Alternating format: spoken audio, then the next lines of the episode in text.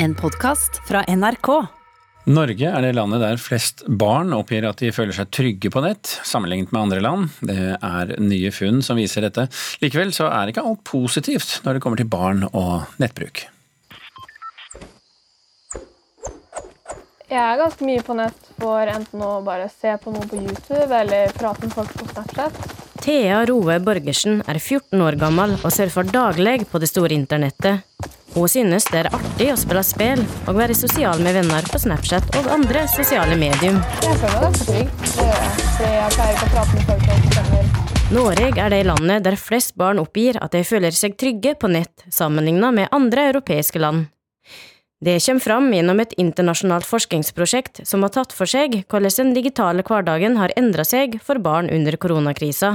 Elisabeth Saksrud, professor ved UiO, som er en av forskerne bak, tror dette er grunnen til at norske barn føler seg trygge på nett. Det er nok eh, en kombinasjon med at norske barn også bruker internett mest. Altså de er de som bruker mest tid på nettet, sammenlignet med andre land. Og de har ganske gode ferdigheter. sånn at det å være på nettet er egentlig ganske naturlig. De vet hvordan de skal gjøre det. Og internett er primært en sosial arena hvor de henger med venner og, og har det gøy. Eh, og da oppleves det ikke så veldig annerledes enn resten av hverdagen. Men alt er ikke rosenrødt.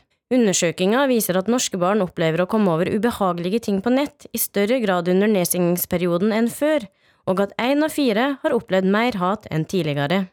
Netthets er også noe Thea har vært vitne til, blant annet har hun sett stygge kommentarer og mobbing i flere kommentarfelt på TikTok og andre sosiale medium.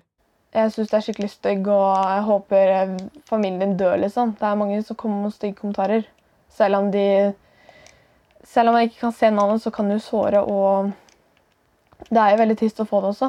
For det er jo anonymt, så man kan ikke se hvem det er. Staksrud sier at norske barn ofte kjenner seg trygge, trass i ubehagelige opplevelser, fordi de har kompetanse til å håndtere det. Disse tingene henger ofte sammen. Norske barn er de som bruker internett eh, mye i forhold til tid. Eh, De har mange erfaringer. Dess mer de gjør, dess mer erfaringer får man. Eh, og Ofte så vil det at de, de opplever ting, men de fleste de har også god håndteringskompetanse. De har gode ferdigheter, de klarer å håndtere det. Og så tenker de ja, dette ble jeg urolig for, eller dette var ikke bra, men så gikk jeg videre. Jeg synes det er liksom, Når folk kommer med kommentarer, så pleier jeg egentlig bare å slette dem. Og så tenker jeg ikke på noe mer, så er det bare borte. Staksrud oppfordrer foreldre til å snakke sammen med barna om farene på internett. Det er noe familien Borgersen er gode til, og det har gjort nettbruken til ei trygg oppleving for 14-åringen. Så jeg syns det er veldig koselig å prate med folk. Du hørte til slutt her Thea Ro Borgersen. Reporter det var Oda Elise Svelstad og Ida Yasin Andersen. Vi har med oss operatør i Nettpatruljen Vest, Hans Olav Ulvenes, som jobber med dette til daglig og som får mange spørsmål fra barn og unge. Norge er altså det landet der flest barn oppgir at de føler seg trygge på nett sammenlignet med andre land. Eh, Hans Olav Ulvenes, god morgen. God morgen. Kjenner dere dere igjen i denne rapporten? Eh, vi kjenner absolutt igjen eh, at, folk, at, barn føler seg trygge og syns først og fremst at det er veldig bra. Og så ser vi også selvfølgelig medaljas bakside, eh, det som blir rapportert inn, og er klar over det. Og hva er medaljens bakside her?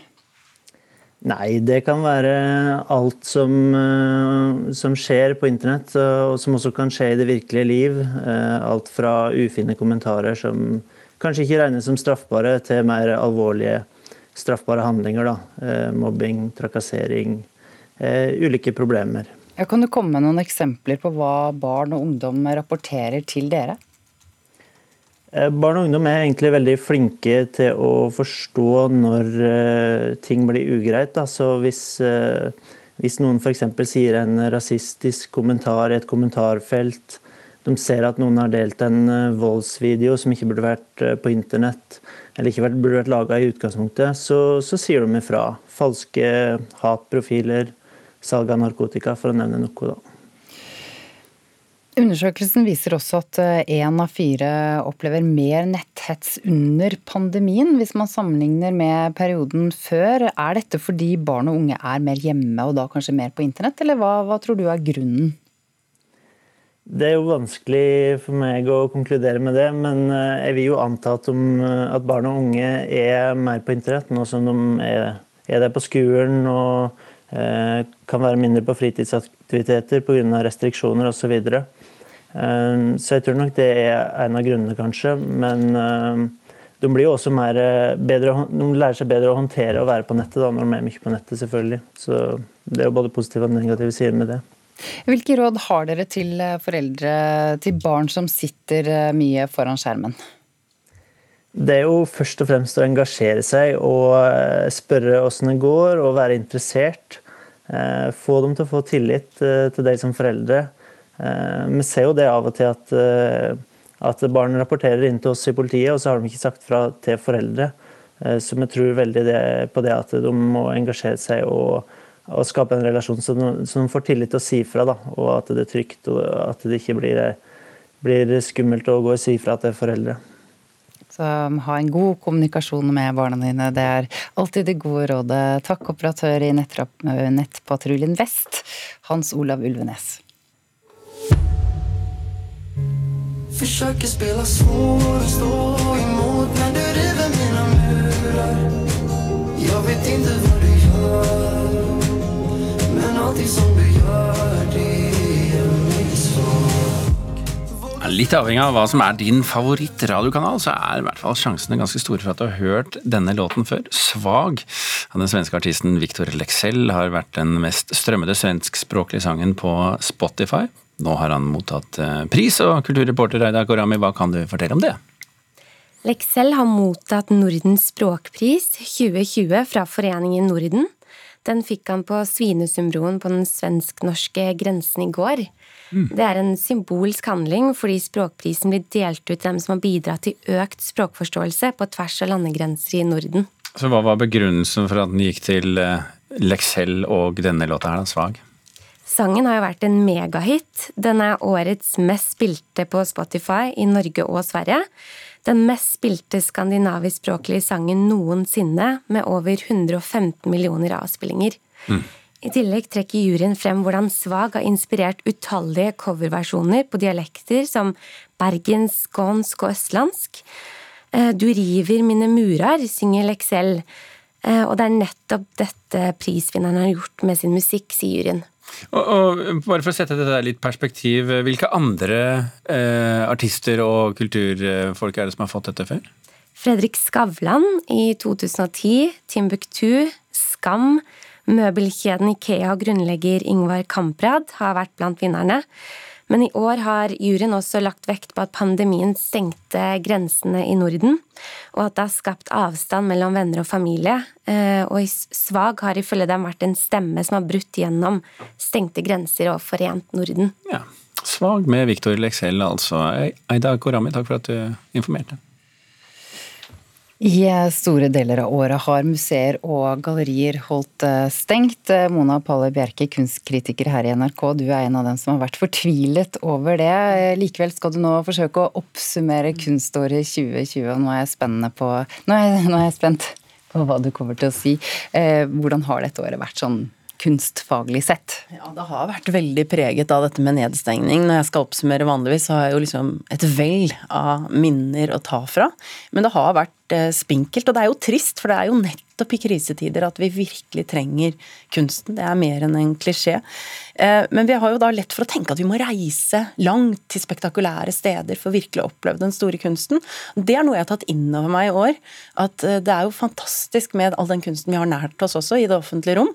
Og med bevisstheten om viktigheten av dette fellesgodset, så har det vært ekstra spesielt å uvirkelig og fortvilende å se og følge med på rivingen av Y-blokka og demonteringen av Picassos 'Fiskeren', som kanskje var det aller flotteste kunstverket i offentlig rom som vi hadde i Oslo.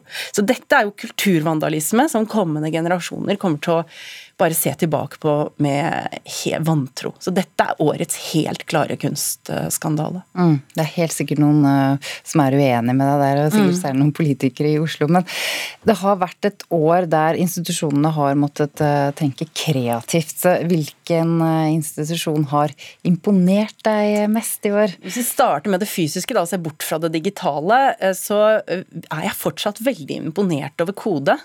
Eh, som har vært på konkursens rand i år, og som er jevnt og trutt veldig underfinansiert, de holder altså koken med et veldig, veldig solid faglig eh, program.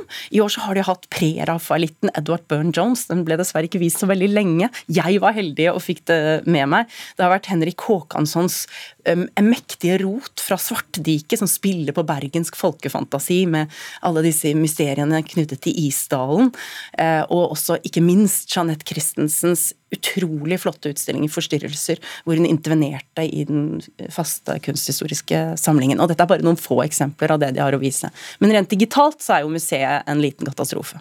Ok, men ja, for Vi må nesten snakke litt om det digitale da i 2020. Eh, og da, da, vet jeg at Hen Jonstad Kunstsenter eh, er av de, mm. Eh, en av de institusjonene som, som, imponerte deg? Ja, de var raske til å snu seg på gulvet og liksom få i gang digitale ting, også med Art Channel, denne flotte, dette digitale prosjektet deres. Eh, og så er de, de i ferd med å utvikle altså en veldig bra nettside. Nasjonalmuseet brukte mer tid, men de er også kommet i gang nå med å forstå dette med at nettsiden kan ikke være en flat informasjonsplakat. Det må være et rom du går inn i. Eh, og Munch-museet har også hatt en radig utvikling på dette området, fått mye skryt for sine digitale omvisninger. Men det som er litt tragisk, og der liksom vinninga går litt opp i spinninga, syns jeg, da, det er jo at de har laget en ny visuell profil som jeg syns er ganske redselsfull. Der har de da brukt eh, liksom signalrød eh, eh, steilskrift Kanskje tenker de at det er litt inspirert av Munchs angstunivers, da. Ja. Med, men det funker veldig dårlig som grafisk design. Også, tanken er jo kul, dette med å hente vinkelen fra dette karakteristiske bygget inn i fonten. Men når du har rekursiv, som det heter, steil, og kursiv og rette typer sammen, så blir det veldig kaotisk. Så det er et angrep på synssansen, denne nettsiden, og det, det er litt synd. Ja. Men du, er det skapt koronakunst eller i 2020? Det er det helt sikkert. Jeg tror jo denne situasjonen påvirker oss alle helt grunnleggende. Men jeg tror nok at denne tematikken vil ha en noe lengre inkubasjonstid før den slår ut i liksom ferdige uttrykk. Men det er jo mye kunst vi ser med nye øyne nå. Jeg tenker også på Leonard Richard, som nå vises på Trondheim kunstmuseum og på OSL i Oslo. Oslo, eh, som i et helt liv har skildret ensomhet og isolasjon, og som nå plutselig så blir liksom bildene hans noe som handler om, om vår egen tid. Da. Vi har bare noen sekunder igjen, og, mm. og, vi skal snakke om årets viktigste utstilling og hva som har vært det beste kunstminnet fra 2020, så nå må du være kjapp. Ja, jeg syns at Joar Nango, det var helt fantastisk at vi endelig fikk en samisk kunstner som festspillutstiller i Bergen. Og hvilken kunstner! Altså, dette er jo så spennende kunstner som forvandler dette litt sånn selvhevdende one man-showet til et sånt verksted av samvirkende ulike fagkrefter og kunstnere. og Det var helt, helt utrolig spesielt og spennende. Takk, Mona Palle Bjerke, kunstkritiker her i NRK. Vi kunne snakket mye mer om kunståret 2020. Du har hørt en podkast fra NRK. Hør flere podkaster og din NRK-kanal i appen NRK Radio.